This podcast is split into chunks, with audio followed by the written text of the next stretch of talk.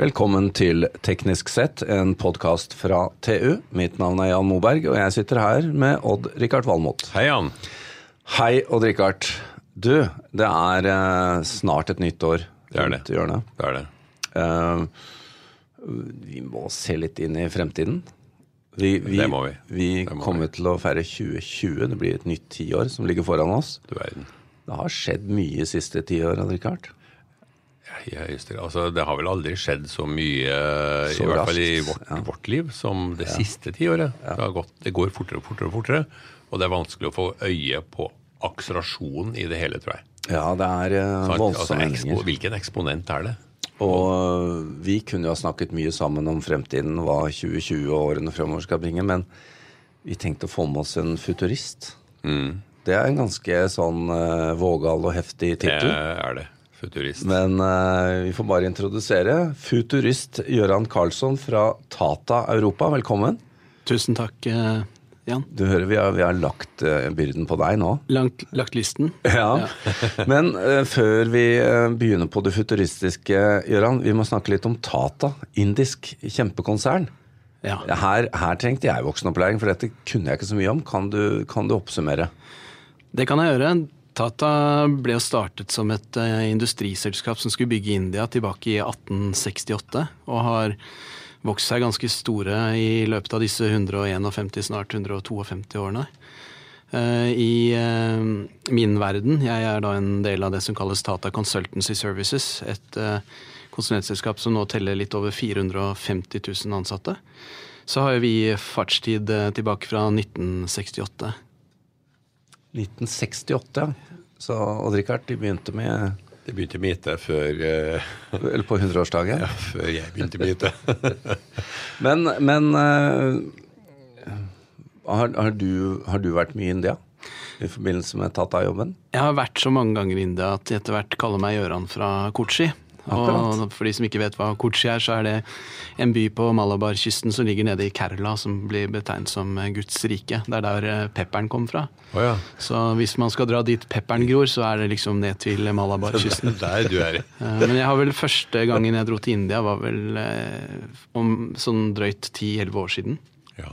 Og da skulle norske virksomheter begynne å sette ut en del eh, større utviklingsprosjekter ned dit. Og jeg var vel kanskje litt sånn nølende og tvilende til, til hva jeg ville møte, men, eh, men for meg så ble det sånn vendepunkt på mange måter i karrieren min. Ja, for vi må legge til det, og du har jo vært både i Fast Search and Transfer og C-Sense, så du, du har jo vært i internasjonale programvareselskaper før. Ja, absolutt. Jeg har vært utskremt medarbeider for norsk teknologi i eh, snart 20 år. Og, eller litt over, faktisk. Eh, Men uansett så kan du si at eh, mens vi da i på en måte Norge hadde dette med søkemotoren og forståelse av data og alt dette som jeg fremdeles brenner for, så har jeg også vært liksom halvparten av tiden i konsulentvirksomhet. Eh, Og konsulentvirksomhet er jo en av de områdene hvor man kanskje har sett størst vekst i forhold til det dere snakket om i sted, at de siste ti årene har vært liksom digitaliseringsmanifestasjonen, da. Og dataoppsamling og litt sånn maskinlæring, og så kommer dette oppå hverandre. Det er mye spennende ingredienser som på en måte bidrar til å skape en god brukeropplevelse. Det er vel egentlig det det handler om. Ja. Men før vi ber deg kikke i krystallkula, så tenkte jeg vi får jo nevne litt for de som For dette var nytt for meg, nemlig. Det må jeg bare innrømme. Altså Tata Consulting Services eh, er jo ganske mange Dere har jo ganske mange oppdrag og kunder i Norge òg? Ja, det har vi. Vi jobber veldig tett eh, med et, eh, jeg holdt på å si en utvalgt eh, kundegruppe, som ofte er de største selskapene i, i hvert land. Og det har vært en viktig del for vår vekst at vi har kunnet jobbe veldig tett med de få kundene vi har hatt. sånn at i Norge så har vi vel et eh, antall kunder som ligger rett under 20, og de største vi jobber med er DNB, Posten, Norgesgruppen, Nets, eh, Telenor med flere. Det er jo en imponerende liste, Adrikard. Det er det i høyeste grad. Virkelig. Eh, Det er mange spørsmål jeg har lyst til å stille i, i halen av det, men jeg må bare, nå må vi komme litt inn på krystallkula. Fordi du, du reiser rundt og holder foredrag om fremtiden. Ja. Eh, hva vil du fortelle våre lyttere? Det er, vi, er på, vi er på terskelen til 2020, og et nytt tiår ligger foran oss. Altså, den gode nyheten er at kunnskap om fortid er kanskje det viktigste man kan ta med seg for å se fremover i tid. Så for de av dere som er nervøse for fremtiden, så vil jeg si at jo mer du kan om eh, det som har skjedd, jo enklere kan du forstå det som kommer til å skje. Når det er sagt, så er det klart det er eh, Hvis du ser sånn globalt på det, så er det fremveksten av eh, nettskyen og dataløsninger tilgjengelig nærmest uten at du behøver å gjøre noen større investering, er en av de viktigste ved siden av ja. selvfølgelig kunstig intelligens, som dere har snakket om.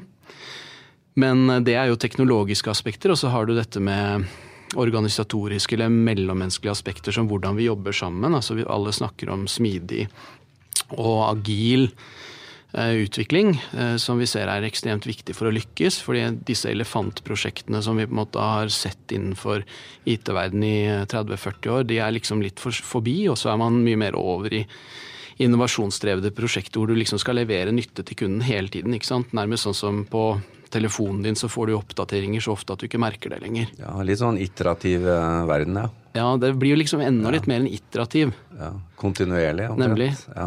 Men det er jo kommet en del nye ting inn i bildet. altså Nettskyen har vi jo hatt en stund nå. Men uh, det her med AI og, og uh, lærende systemer og sånn, det er jo i ferd med å komme inn for alvor. altså Vi har fått en del sånne slanger og og flaggermus i, den store gryta som vi driver og koker. Og hva, hva, hva skjer i de neste tiåra, når, vi, når vi får denne samlinga der? Det lurer jeg på. Ja, og der er jo sånn hvis du ser tilbake de siste 10-15 årene, så har vi gått liksom I forbrukerverden så har vi fått løsninger som nærmest forstår hva vi vil ha ja. Eh, på fingerspissen. Og eh, nesten kan si med en eh, stor grad av nøyaktighet hva som kommer til å skje i livet ditt om 50, 60, 70, 80 dager. Og så kan du si at det paradigmet, hvis du tar det inn i businessverden, så er eh, AI og maskinlæring og intelligente løsninger i ferd med å på en måte nå en utbredelse som gjør det spennende. Eh, problemet er jo selvfølgelig at eh, mange av menneskene ute i organisasjonene er litt sånn glad i firmaet sitt. De ønsker ikke godt. Ja, så Jeg pleier å snakke om kaptein på Titanic, og det er kanskje mm. ikke så populært alltid, men like fullt så Vi vet jo alle at det er et eh, isfjell der. Og, og den iboende motstanden eh, mot endring er jo Mot å snu? Ja, ikke sant. Eller at man ser at eh, Du setter ikke penga dine på å lage vekkerklokke i dag, liksom. Det er ikke inn lenger, fordi den er blitt borte, vekkerklokka. Den fins et annet sted. Og tilsvarende, ikke sant. Du ser tilbake på Kodak og andre, så de er liksom ikke så dominante som de var. Nei, det, er, helt riktig. Og det er viktig å da se på andre typer business, da, sånn som Ta eksempel bank og forsikring, hva blir det? Vi har jo vært med i Norge eksempelvis eh, med Tata. Og, og jobbe med DNB rundt utviklingen av VIPS. Mm. Og, og, hva har VIPS gjort, liksom? Jo, det er jo det tok vel ca. syv måneder fra VIPS ble lansert til det ble et verb i og godkjent norsk eh, ja. ord, ikke sant? Ja, det er helt riktig. Og de, de uh, tok jo igjen merkevare kjennskapen til uh, egen eier. Ja, og det, dette vil jo skje uh, i mange andre sektorer også. Det vil ja. komme nye, smartere løsninger som er mindre irriterende, ikke sant. Det er, uh, Hvis du ser innenfor forsikring f.eks., for hva med fremtidens forsikringsløsninger når du ikke eier bilen selv? Eller at du er en del av en bilpoolordning, eller at du bare bestiller transport fra A til B via en app. Ja, og kjøremønsteret ditt vil bli analysert underveis. Ja, og der kan du jo si at uh, mye vil skje, da. fordi at uh, der har vel kanskje noen skummet fløten litt uh, godt. Og så kommer det jo nye aktører. Det er allerede forsikringsaktører ute i verden som baserer seg kun på innsikt rundt data. Mm. Mm. Hva, hva, vil dette bety for arbeidsplasser, da, hvis du ser ti år frem i tida? Nei, altså, Jeg er jo ikke redd for arbeidsplassene. Jeg tror vi er nesten for få mennesker i dag til å betjene de Eh, på en måte yrkene og tjenestene som skal leveres. Jeg tror bare det vil bli en stor endring i hva slags type arbeid vi som mennesker skal gjøre, og hva slags arbeid datamaskiner og intelligente løsninger skal gjøre. Sånn at mye av det jeg snakker om, er liksom future of work, eller fremtidens arbeidsplass, og at den i langt eh, høyere grad vil være morsom og spennende og givende, og ikke bare sitte og punche eller se på 17 skjermer for å komme seg gjennom og behandle én kunde, ikke sant. Men det krever en enorm omstilling ja. av oss alle. Ja, ikke minst uh, i forhold til all den tekniske gjelden da, som fins ute blant de største virksomhetene. ikke sant? Fordi det er lett å starte en ny bedrift i dag og basere seg på skyløsninger og kunstig intelligens og sånn.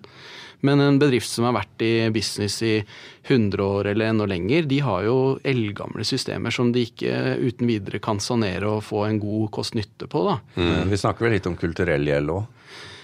Ja, absolutt. Jeg tror den iboende endringsmotstanden er den største på en måte, faktoren da, som ja. gjør at man ikke fornyer seg. Det, det vil jeg tro òg. Du har jo, du har jo Gøran, noen, en, egentlig en ganske grei oppsummering, har jeg skjønt, når du er ute og, og snakker om disse tingene som nå skjer?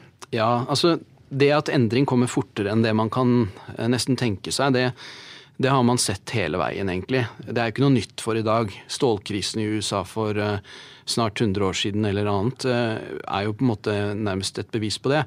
Men de fire områdene vi ser, er at eh, endring er eh, Den akselererer, altså den går fortere og fortere fordi at vi beveger oss ikke lenger lineært. Det er eksponentialitet i det vi holder på med gjennom ny teknologi osv. Selvfølgelig dette med tilgang til kunnskap. Nå, ja, det er jo overalt. Ja, kunnskap er overalt, men tilgangen gjennom den globale måte, verden vi lever i. Eh, vi som selskap er et eksempel på det. ikke sant? 450 000 nomader som reiser rundt i verden for å hjelpe til å få til bedre digitalisering. Mm. Eh, men samtidig så er det klart at det at verden har åpnet seg opp og blitt mer global, har hjulpet oss eh, på den reisen. Fordi at da Tata Consultancy startet i 1968, så var det jo ikke 450 000 ansatte. Nei akselerasjonen har kommet kanskje de siste ti årene.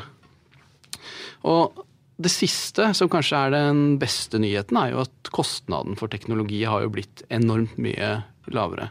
Ja, ja det var du inne på med både skyløsninger og annet, hvor du kan kjøpe deg kapasitet som du ellers måtte bestille rådyre maskiner for å få. Ja, altså jeg gikk jo på Handelshøyskolen BI på begynnelsen av 90-tallet. Da husker jeg jeg måtte bruke halve studielandet på å kjøpe meg et uh, lydkort. ikke sant? Og ja. i dag så er jo ikke et lydkort eh, noe som koster deg noe penger i det hele tatt. Det er integrert. Mm. Og, og, der har du jo liksom Se på den eh, mobiltelefonen du har Jan, foran deg. ikke sant? Datakraften i den er jo ca. 40 ganger eh, høyere enn den PC-en jeg hadde på førstejobben ja. min. Ja. Mitt første skjermkort kosta over 30 000. What? Ja. ja. Vi snakker 80-tallet. Ja. Og skjermen kosta 30 den nå. Var det Mac, eller? Det var Mac. Ja. Det var det. Siden har du konvertert. Ja. Men bare for å avslutte litt, eh, jeg snakket om disse fire tingene, men det siste som kanskje er litt ubehagelig, da, som, som, som, på en måte jeg prøver å ha en god tone med de jeg snakker med når jeg sier at de som føler seg tryggest, er ofte de som er mest ute å kjøre. Og, det er jo et veldig, veldig godt poeng. At du kan ikke hvile hvis du er trygg. Nei, altså, da har du jo, det er ingen grunn til endring. Eh, og hvis du går tilbake litt sånn og leser den første futuristen som på en måte har blitt omtalt, han heter Wells, og han skrev en bok eh, tilbake for 130 år siden. Og han skrev jo om mårlokkene og iloiene. Og, ja, ja.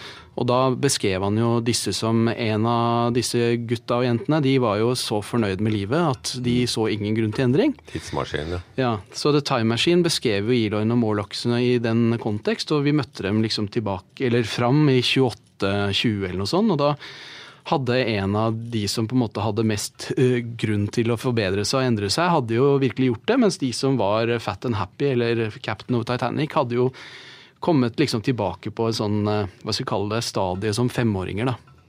Ja, dette er jo eh, nesten en egen podkast, Odd Rikard. ja, ja, den er, den er filmatisert mange ganger, og jeg har sett alle. Gøran, vi må eh, oppsummeringsmessig stille deg også spørsmålet når du jobber i dette gigantiske indiske konsernet. Hva er den indiske påvirkningen her? Altså er det jeg har aldri vært i India. Jeg har lest uh, Shantaram og sånt, ikke sant. Men uh, er, er, det en slags uh, Kommer de farende med noe som gjør at dere har et annet syn på verden enn andre store konsern? Jeg tror i forhold til de punktene mine at de kan forklare mye. fordi at India er et av de samfunnene i verden som endrer seg mest. Og så er det jo en hel haug med mennesker der. Det er liksom 1,2, nesten 1,3 milliarder mennesker. Ja, De seiler opp til å ta over, gjør de ikke det? Mm. Om ikke ta over, så de fungerer jo sammen. ikke sant? Det er, eh, det er uh, ca. 30 forskjellige menneskeslag, eller uh, forskjellige typer religioner og, og, folk med forskjellig bakgrunn, som snakker en haug med språk, og som fungerer i et uh, tilnærmet demokrati.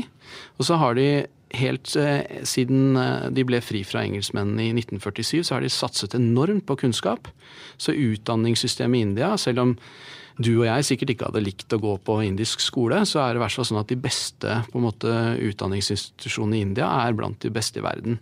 Og hvis du ser på ingeniørfaget eksempelvis, så er det jo over 300 000 Uteksaminert hvert år, ja. per år. Ja. Det er helt utrolig. Og Richard, nå tenkte jeg du skulle si at du skulle sende meg ned til pepperen, deg til Pepperngror på etterutdanning. Ja, det hadde vært fint. men, det, men, det, er jo utrolig fascinerende. Og eh, jeg tenker kvaliteten også er jo høy. Eh, og det fascinerer meg litt at vi kanskje har en tendens til å undervurdere eh, kompetansen som kommer derfra også. For vi, vi har litt feil inntrykk av det. Ja, og der har jeg sittet selv. Jeg satt og leverte tjenester i konkurranse med inderne og tenkte kanskje litt at dette var billig og at det var masse folk. Men det jeg har sett, da, er at i, i lyset at de vil opp og frem, og at de er så på en måte ihugga i det å tilegne seg ny kompetanse og ta inn over seg endring, så så skjer det veldig mye på kvalitetssiden. Eh, hvis du ser de siste ti årene nå i, i Norden, så har jo vi som Tata Consultancy Services vært eh, blant de som har vært skåret høyest på kundetilfredshet. Og vi ligger sånn 20-30% over vanlige norske konsulentselskaper, eksempelvis. da. Veldig spennende. Det er jo tall vi ikke får eh, sjekket, Odd Rikard. Men... Nei, de fleste, de fleste konsulentselskaper har jo integrert indere. Er ikke, dere er jo indisk, men, men de store andre har også divisjoner i India. Absolutt. Og det har jo for så vidt hjulpet oss med å bevise at den modellen, den globale leveransemodellen som vi jobber med, at den fungerer. Mm. Eh, men underskuddet på kompetanse i Norge og Norden er stort.